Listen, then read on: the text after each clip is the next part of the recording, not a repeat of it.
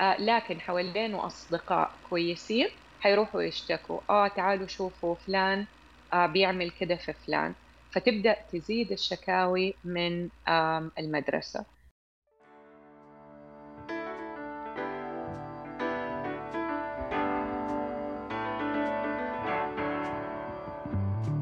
أنا بسمة حميد أهلا بيكم في بودكاست مظلة. بودكاست أناقش فيه مواضيع متعلقة باضطرابات التواصل مشاكل النطق واللغة بالإضافة لمواضيع عن التنشئة اللغوية الصحيحة. لا تنسوا تعملوا سبسكرايب وفولو للبودكاست حيجيكم تنبيه أول ما تنزل حلقة جديدة وتشاركوا الحلقات مع اللي تعرفوهم. هذه الحلقة بعنوان طفلي والتنمر.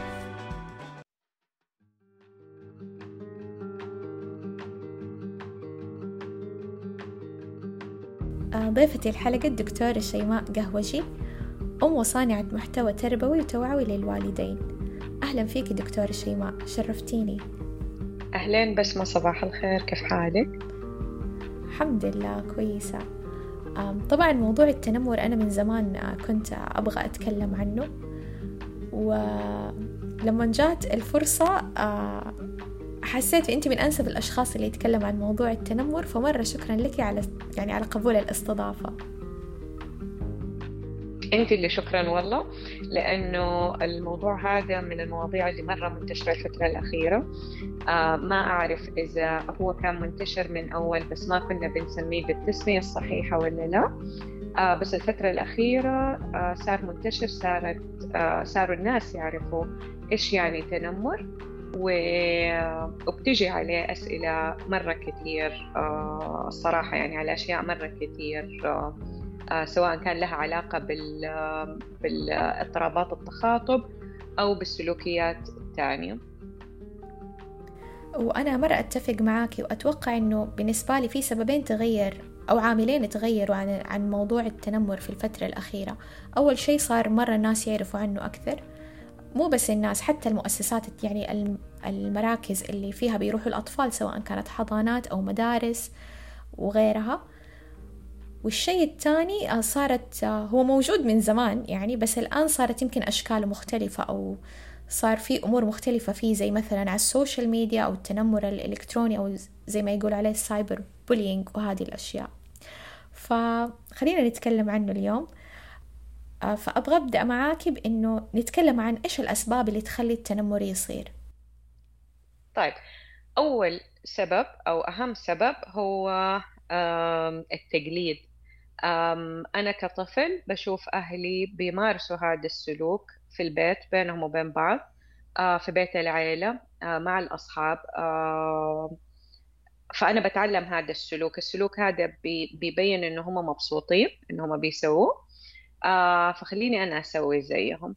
أحيانا كمان يصير لما الطفل يكون متنمر عليه فزي كأنه بتصير فيه زي رغبة آه زي رغبة الانتقام إنه آه زي ما هم خلوني أحس آه بهذا الإحساس بما إني أقوى من فلان فأنا حستقوي عليه.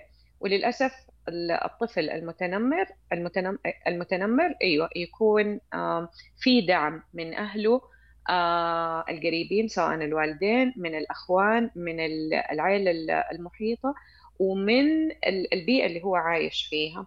يشوفوا إنه هو سلوك صحيح خذ حقك بنفسك. آه إيوه لا تخلي أحد مثلا يأكل حقك. آه والكلام هذا بدون ما نعلم آه الطفل كيف إنك أنت تقدر تأخذ حقك بدون ما تكون متنمر أو بدون ما تكون عنيف. لأنه التنمر في جزئية منه عنف عنف لفظي. فهذا الشيء للأسف هو اللي يخلي المتنمر المتنمر آه، يستمر في سلوكه اللي هو الدعم اللي بيجي من حوالينه. بالنسبة للتنمر في المدارس المدرسة عادة آه، اللي ينتشر فيها التنمر آه، تكون المدرسة ما عندها خطة واضحة للتصرف أو للتعامل مع التنمر والمتنمرين. فبالتالي تعتبر زي كأنها بيئة مرحبة بالتنمر والمتنمرين آه فما بيساعدوا لا بيساعدوا الأهل ولا بيساعدوا الطفل ولا بيساعدوا سمعتهم كمان. صحيح. وكمان في شيء يعني آه، هو التنمر بيصير للجميع مو بس للأطفال أو الأشخاص اللي عندهم اضطرابات في التخاطب أو حتى اضطراب ثاني آخر سواء كان حركي أو غيرها. آه، بس سبحان الله يعني قرأت في دراسة إنه الأشخاص اللي عندهم اضطرابات في التخاطب يعني وممكن يكون النسبة مشابهة في الاضطرابات الثانية هم أعلى عرضة للتعرض للتنمر. النسبة كانت إنه هو ضعفين لثلاثة أضعاف عرضة للتنمر عن أي طفل تاني ما عنده أي اضطراب في التخاطب. طيب آه هذا لأنه المتنمر عادة يشوف نفسه أقوى وأحسن من الطفل المتنمر عليه. فلما الطفل يكون عنده اضطراب أيا كان نوعه هو شخص آه في نظر المتنمر شخص ضعيف. أنا أقدر أستقوي عليه. أنا أحسن منه. أنا مثلا أتواصل أفضل منه. أنا آه، شاطر في الرياضة أفضل منه. أنا شاطر آه، حتى الأطفال اللي مثلا عندهم صعوبات تعلم وبيروحوا مثلا بياخدوا دروس إضافية خارج الفصل. أنا أتنمر عليه لأنه أنا أحسن منه. أنا أشطر منه. فالتنمر ما يعني ما يقتصر على فئة واحدة يجي بأشكال جدا متنوعة. في البيت كيف هذا الشيء يجي؟ ممكن يجي من الأخوان. آه الأهالي عندهم طفل مفضل أكثر من الطفل الثاني فهذا الطفل يشوف إنه أوه آه ماما تحبني مثلا أكثر من محمد أخويا فأنا حتشطر عليه أنا حتنمر عليه. آه ليش؟ لأنه يخليني أقوى يخليني أحسن. آه يخلي أخويا يخاف مني. آه فبالتالي أنا دائما ألقوي أنا دائما اللي يتعمل له حساب. هذا عادة اللي بيصير آه، مع التنمر. فالتنمر مو بس يكون في المدرسة آه، ممكن يكون في, في البيت ممكن يكون كمان في بيت العيلة.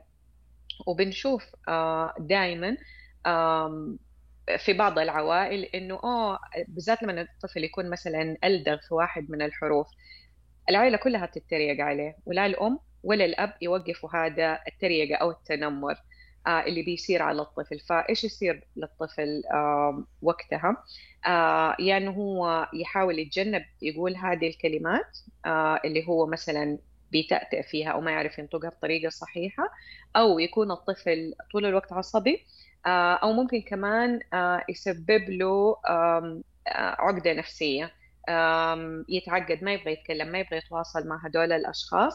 ليه؟ لأنهم دائما يضحكوا علي. آه وهذا الشيء ما هو بيدي. أنا ماني قادر أغيره أنا ماني قادر أعدله وأنا ماني شايف ماما وبابا جالسين بيدافعوا عني أو بيحاولوا يحسنوا آه من صورتي في نظر الناس. وكلنا ككائنات بشرية يهمنا آه منظرنا و آه، ووجهة نظر الناس آه، لينا. فلما إحنا كأطفال نشوف إنه ماما وبابا ما بيدافعوا عننا وما بيوقفوا وما بيحطوا حدود للتنمر اللي بيصير علينا يا إحنا بعد ما حنتعالج آه ونصير أحسن حنتنمر على الناس اللي آه يعني في, موضعنا يا آه حنتعقد من كل حاجة وحنتعقد من الناس وقد نصير انطوائيين آه بسبب كمية التنمر اللي صارت علينا. آه، أشوف التنمر من الأشياء اللي مرة تأثر على حياة الإنسان صراحة وبالذات في العمر الصغير. هذا عمر مرة يعني الطفل لسه قاعد فيه يكون شخصيته ويتعرف على العالم حتى في عمر الابتدائي وبداية المدرسة. وسبحان الله حتى لو لاحظتي كثير أشخاص هم كبار لما يحكوا عن حياتهم مرات كثيرة يقولوا يعني التنمر كانت نقطة تحولية في إنه هو يعني في تغيير في شخصيته مثلا أو في اختيار أمر معين يبغى يسويه في الحياة. يعني ممكن يتحول لدافع وممكن يكون شيء مرة سلبي. كانت في عندي واحدة آه، زميلتي أيام الدراسة آه، قررت إنه هي تتخصص تخاطب آه، لأنه كان يتم التنمر عليها بسبب كان عندها تأتأة وكان عندها لدغة. فقالت أنا ما أبغى الناس ما أبغى الأطفال اللي عندهم هذه المشكلتين إنه ما يكون في أحد يعالجهم. فأنا قررت إنه أنا أتخلص أتخصص في هذا التخصص عشان أساعد كل الأطفال اللي عندهم تأتأة أو عندهم لدغات في يعني في أي حرف كان. أيوه بس سبحان الله هو يتحول مرات يعني يأثر في الشخص آه إلى حد يعني إلى حد ما يأثر في الشخص أكيد. طيب إيش هي العلامات اللي مثلا لو أنا شفتها على طفلي آه أحس إنه هو ممكن يا يعني ممكن يكون قاعد بيتعرض للتنمر لأنه نعرف الأطفال مو كل يعني حتى لما يكونوا قادرين على التواصل قادرين على الكلام مو كل ش... مو كل طفل يجي ويعبر ويقول آه إيش صار معه فإيش العلامات اللي لو شفناها نقول إنه الطفل هذا قاعد يتعرض للتنمر أو حتى ممكن يعني هو قاعد بيتنمر على شخص تاني. طيب الأشياء أو العلامات اللي تقول إنه الطفل بيتم التنمر عليه إنه الطفل بيحاول إنه هو يتجنب الاجتماعات خلينا نقول أول حاجة على مستوى العائلة. آه، الطفل بيحاول يتجنب الاجتماعات العائلية يلصق في الأهل. قد يكون في بكى كل ما يحاول إنه هو إن هم يطلعوا من البيت لأي مكان كان. آه، بالنسبة للمدرسة برضو يصير نفس بتصير نفس السلوكيات. الطفل بيبكي ما يبغى يروح المدرسة. آه، إذا كان في عمر شوية كبير آه، الدرجات تبدأ تقل المستوى الأكاديمي حق الطفل يبدأ يتأثر. يبدأ الطفل يحاول إنه هو إذا كان الطفل مثلا من الأطفال اللي يشتركوا في الأنشطة حقت المدرسة يبطل فيصير في عزلة إلى حد ما من كل حاجة قد تسبب له أو قد تحطه في موقف في تنمر أو يحاول يتجنب الأشخاص اللي بيصير منهم تنمر. كيف أنا أعرف إذا بنتي أو ولدي بيتنمروا؟ بتيجي شكاوي كثير من المدرسة. ليه؟ لأنه الطفل عادة لما يكون طفل متنمر آه إذا الطفل المتنمر عليه ما اشتكى آه لكن حوالينه أصدقاء كويسين حيروحوا يشتكوا. آه تعالوا شوفوا فلان آه بيعمل كده في فلان. فتبدأ تزيد الشكاوي من آه المدرسة. هذا رقم واحد. رقم اثنين أحيانا آه بعض آه الأطفال المتنمرين آه، يتنمروا عشان يكونوا يبغوا أشياء عند الأشخاص المتنمر عليهم. فممكن نبدأ نلاقي أشياء بتجي البيت. آه، مو إحنا اللي جبناها. آه، نيجي نسأل الطفل هذه كيف جبتها؟ يبدأ يصير في كذب. الطفل يبدأ يكذب كثير. هذه أغلب الأشياء اللي بصراحة أنا لما كنت أشتغل في أشتغل في مدرسة كنت أشوفها إنه الطفل المتنمر دائما بتجيله أشياء عشان لا تتنمر علي أو أنا أبغاها فأنت لازم تعطيني هي. طبعا والشكاوي حقت المدرسة المدرسة دائما تشتكي. وكمان الطفل المتنمر دائما يكون وقح مع المعلمين. فتبدأ تيجي الشكاوي من المعلمين إنه الطفل بيرد الطفل بيتجادل كثير. فهذه هي العلامات اللي أنا كنت أشوفها فترة شغلي في المدرسة بصراحة من الأطفال المتنمرين ومن الأطفال المتنمر عليهم. آه، ذكرتي نقطة مرة مهمة اللي هو أصدقاء أو اللي الأشخاص اللي حوالين الشخص اللي بيتنمر. وكثير في بعض المقالات يشيروا إليهم يعني لدول الأشخاص بأنه هو المتفرج يعني هو الشخص اللي حضر حادثة التنمر هو عندي ثلاثة عناصر. الشخص اللي بيتنمر والضحية والمتفرجين إذا كانوا موجودين. وكثير بيقولوا إنه دور المتفرج مرة مرة كبير لأنه هم يا حيوقفوا التنمر يا حيساهموا في إنه التنمر يقعد يستمر. لأنه دائما في أحد كأنه حتى لو ما سوى أي ردة فعل بس كأنه بيعزز صار هذا كأنه منظر يعني شيء كأنه فرجة. عشان كده قلت في البداية إنه أحيانا البيئة والناس الموجودين في البيئة المحيطة هم اللي ممكن يعززوا آه، ويزيدوا سلوك التنمر. فالمتفرجين زي ما انت آه، سميتيهم هم هدول اللي في أغلب الحالات آه، هم اللي يساعدوا السلوك على إنه يزيد. ليه؟ لأنهم ما ما بتكون لهم ردة فعل غير إنه هم يشجعوا المتنمر إنه هو يكمل تنمر لأنه هم مستفيدين. إحنا ماشيين مع القوي إحنا ما حيصير لنا شيء. آه صحيح. عشان كده مرة مهم إنه سبحان الله حتى لو إحنا ما شج يعني الأهل أو الأشخاص اللي في المجتمع والمحيطين لو ما يعني هم ما شجعوا الشيء بس حتى يعتبر الصمت كأنه إشارة بإنه مقبول.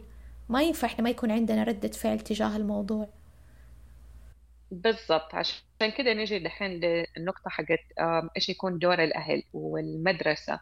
أول ما تبدأ تعرف إنه في تنمر جالس بيصير أول حاجة لازم لازم لازم كل المدارس يكون فيها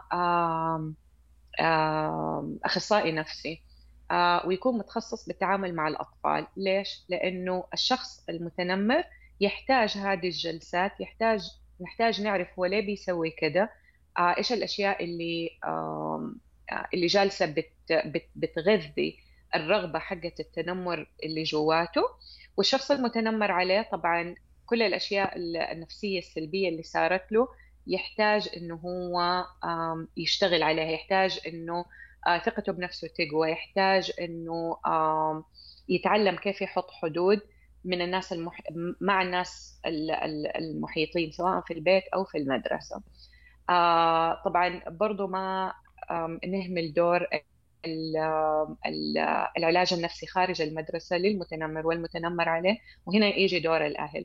الأهل أول حاجة يقدروا يشتغلوا في البيت على تنمية آه، مهارات الثقة بالنفس للمتنمر وللمتنمر عليه لأنه أحيانا الشخص المتنمر تكون ثقته بنفسه ما هي مرة قوية آه، عشان كده يستقوي. آه، فالأهل يحتاجوا إن هم يشتغلوا على كيف نقوي ثقة ابننا أو بنتنا بنفسها عشان تبطل هذا السلوك. بالنسبة للطفل المتنمر عليه في الأغلب بيكون الطفل الهادي الطفل الضعيف زي ما بيوصفوه اجتماعيا. برضه لازم نشتغل كمان على مهارات آه، الثقة بالنفس. في مقالة قرأتها قبل فترة كانت بتتكلم على دور الرياضة في آه، تقوية الثقة بالنفس. دائما الأطفال اللي يلعبوا آه، رياضة أيا كان نوعها ثقتهم بنفسها بنفسهم تكون دائما عالية. فكانت فكانت المقالة كانت بتتكلم على التنمر والرياضة فتقول لك دائما الأفضل للطفل المتنمر والضحية الأفضل إنه هم يدخلوا رياضة. ليش؟ لأنه الرياضة دائما تهذب آه، فيها rules كثير. ما يقدروا يلعبوا آه، فرادى في أغلب الأحيان. فهذا الشيء شوية يعمل لهم discipline يعمل لهم آه، تهذيب فيساعدهم إنه هم ينضبطوا. بدون ما نستخدم عقاب بدون ما نستخدم أي أشياء ممكن تضر الطفل أكثر مما إنها تفيده كمان برضو من من من دور من أدوار الأهل هم إن هم يحطوا حدود للمجتمع وللعائلة الكبيرة إنه إحنا مو عاجبنا أنتوا كيف بتتكلموا مع ولدنا ولا بنتنا لازم هذا الشيء يوقف. لما الطفل يشوف إنه أهله واقفين معه ثقته بنفسه حتقوى وثقته بأهله حتقوى. فبالتالي تكون الاستجابة لأي حاجة يقولوها الأهل آه، أسرع وأقوى. آه، كمان حاجة أخيرة لازم لازم لازم نفعل إحنا كأهالي لازم نفعل آه، دور وأهمية استشارة المختصين في الأشياء اللي إحنا ما نعرفها أو ما نعرف كيف نتعامل معها. يعني أحيانا قراءة الكتب ما هي كفاية. أحيانا إنه إحنا مثلا نسمع بودكاست أو نسمع فيديو أو أو نسمع أي حاجة ما تكون كفاية. لازم لازم لازم ناخذ استشارة من شخص مختص. ليه؟ لأن كل حالة بيكون لها القصة حقتها. فإذا إحنا نبغى حاجة مختصة لطفلنا لازم نتكلم مع مختص عشان تكون الخطة العلاجية خاصة بنا إحنا خاصة بحالتنا خاصة بطفلنا. عشان تساعده لأنه إحنا في الأخير نبغى مصلحة الطفل فعادة لما نجي نستشير المختص آه، الاستشارة تكون خاصة بينا بحالتنا بطفلنا. فإذا إحنا نبغى نساعد طفلنا لازم الخطة العلاجية أو الخطة السلوكية تكون خاصة بالطفل ذاته ما تكون آه، ما تكون عامة. مرة مهم إنه إحنا نوعي الطفل بموضوع التنمر يعني لما يوصل عمر معين اللي يستوعب فيها زي الخمس سنوات مثلا آه وإنه إيش الحدود المقبولة وإيش الأشياء اللي غير مقبولة حتى لو عن طريق القصص. آه وكمان للأهالي اللي عندهم أطفال عندهم اضطراب أو تأخر آه دائما الأهالي ينشغلوا بتنمية هذا الجانب اللي فيه له نقطة ضعف. فتلاقي الأم أو الأهل مرة مشغولين مثلا بتطوير مثلا مهارات اللغة للطفل. مرات يروح عن بال الأهل أهمية هذه الأشياء اللي هو زيه زي أي طفل تاني يحتاج يتوعى عنها يحتاج يعرف عنها. زي يعني مثلا موضوع التنمر. فمرة مهم حتى لو عندي طفل عنده تأخر أو اضطراب إنه أنا أوعيه بهذا الشيء. لأنه أول شيء أكثر عرضة إنه هو ممكن يتعرض للتنمر وتاني شيء أنا أشوف هذا الشيء مرة صمام أمان يحمي المجتمع. آه لما طفل يعرف إنه هذا إيش هي الحدود وإيش هي وإنه غير مسموح إنه أحد يتنمر عليه فهذا كمان يحميه إن شاء الله إنه هو إيش إذا كان كمان في بيئة صحية إنه هو ما يتنمر كمان على أحد تاني لأنه هو حيعرف إنه غير مقبول بالنسبة له وغير مقبول أكيد للشخص التاني. أكيد صح. آه وموضوع التوعية ما يبدأ من عمر خمس سنين. هذه حصحح لك أنا آسفة. هي يبدأ من عمر آه صغير جدا من لما الطفل يكون آه صغير. في عمر السنة سنة ونص أول لأنه يعني الطفل زي العجينة إحنا بنشكلها زي ما إحنا نبغى. فمن من عمر صغير وإحنا بنلعب مع الطفل وإحنا بنجيب كتب نحاول إن إحنا نجيب أشياء تغطي كل المواضيع. نحاول حتى وإحنا بنلعب مع الأطفال إنه يعني أنا حاعطي مثال من حياتي أنا من تجربتي أنا. آه، بنتي مثلا آه، أول ما بدأت أعطيها الألوان كانت تشخمط في نفسها. آه فصرت أقول لها لا إحنا بس نشخمط في الورقة إحنا بس نكتب في الكتاب إحنا بس كده. آه فصارت دحين آه لما أحد لما أكون بلون مثلا معاها أنا أو ال أو ال أو العاملة ونجي بالغلط آه يجي على يدها تقول ماما لا غلط. ما نسوي كده. فإحنا ممكن نعلم الطفل الحدود من عمر مرة صغير. عشان لما يكبر ويبدأ آه، ويدخل المدرسة خلاص الطفل يكون عارف إيش الحدود حقته وإيش المسموح وإيش اللي هو مو مسموح. فإحنا نبدأ من عمر بدري من قبل الخمس سنين. آه بس عشان ما نوصل للخمس سنين والطفل يجي يدخل المدرسة وينصدم بالأشياء اللي فيه وهو ما هو متجهز لهذه الأشياء. مرة أنا أتفق معاكي مرة أتفق معاكي صح رسم الحدود مرة يكون من عمر الصغير بس أنا يمكن كنت أقصد على كلمة تنمر يعني أحس الأطفال اللي أصغر في العمر آه يعني يختلف قدرتهم اللغوية على استيعاب هذا المصطلح بس آه رسم الحدود مية في المية يعني لازم يكون من عمر صغير آه أي في أي حاجة أخيرة حابة تضيفيها دكتورة شيماء؟